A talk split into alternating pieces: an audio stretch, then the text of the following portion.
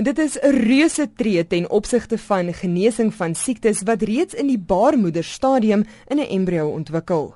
Dit kan ook vrugbaarheidsprobleme aanspreek, maar nie almal is ingenome met die idee nie. Die ingrype wat genetiese deur middel van 'n tegniek kan doen om die DNA van menslike embrio's te verander om moontlike gebreke uit te kan skakel. Dit is in China ontwikkel en dit natuurlik onmiddellik allerlei morele vrae uit godsdienstige kringe laat ontstaan oor of die wetenskap mag ingryp om potensiële lewensgevaarlike of siekte veroorsakende DNA in die embrio uit te skakel. En dit is dit gaan juis een van die groot debatpunte wees en ek kan seker dat die morele kruisvader sal glad nie tevrede wees met hierdie ontwikkeling nie. Klasen sê egter die goedkeuring is gegee deur die Britse menslike vrugbaarheid en embriologie gesagsowerheid. Die navorsing is gerig op 'n teenvoeter vir onvrugbaarheid en die ontwikkeling van embrio's. Maar beteken dit dan nie dalk dat mense ook spoedig genetiese manipulasie tot so 'n mate sal kan gebruik dat ouers babas se oog en haarkleur kan kies nie? Jou vraag is baie geldig want uh, CRISPR is juis daarop gerig om toekomsgedrewe.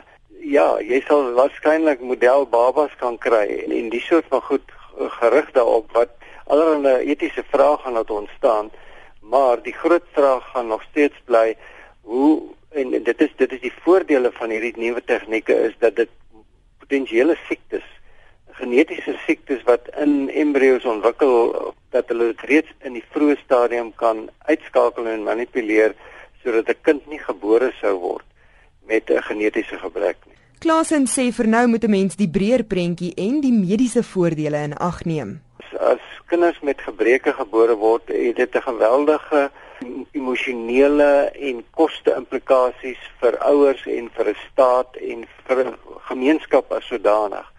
Al daardie swaar kry en ellende wat dit teweeg kan bring. En as mens dit sou kon uitskakel of sou verbeter die kanse dat dit nie sou gebeur nie, kan mens nie sien hoe dit kan kan afgeskied word nie. Maar met 'n agneming van menslike ydelheid kan die tipe navorsing in die toekoms die wenkbroue lig. Die mens is ydel genoeg om terwyl ons reeds leef om onsself verskriklik mooi te wil maak op allerlei maniere en aantreklik te wil maak. En as mense dit sou kon regkry voor geboorte dan ek kan nie dink dat daar die baie mense is wat nie jy so iets sou wil doen nie. Dat pas uh miskien so wil ingryp dit sê maar ek wil nie 'n lelike dogter hê nie, ek wil net 'n mooi dogter hê of ek wil nie 'n lelike seun hê nie, hy moet hy moet baie sterk en gespierd is of wat ook al jy weet.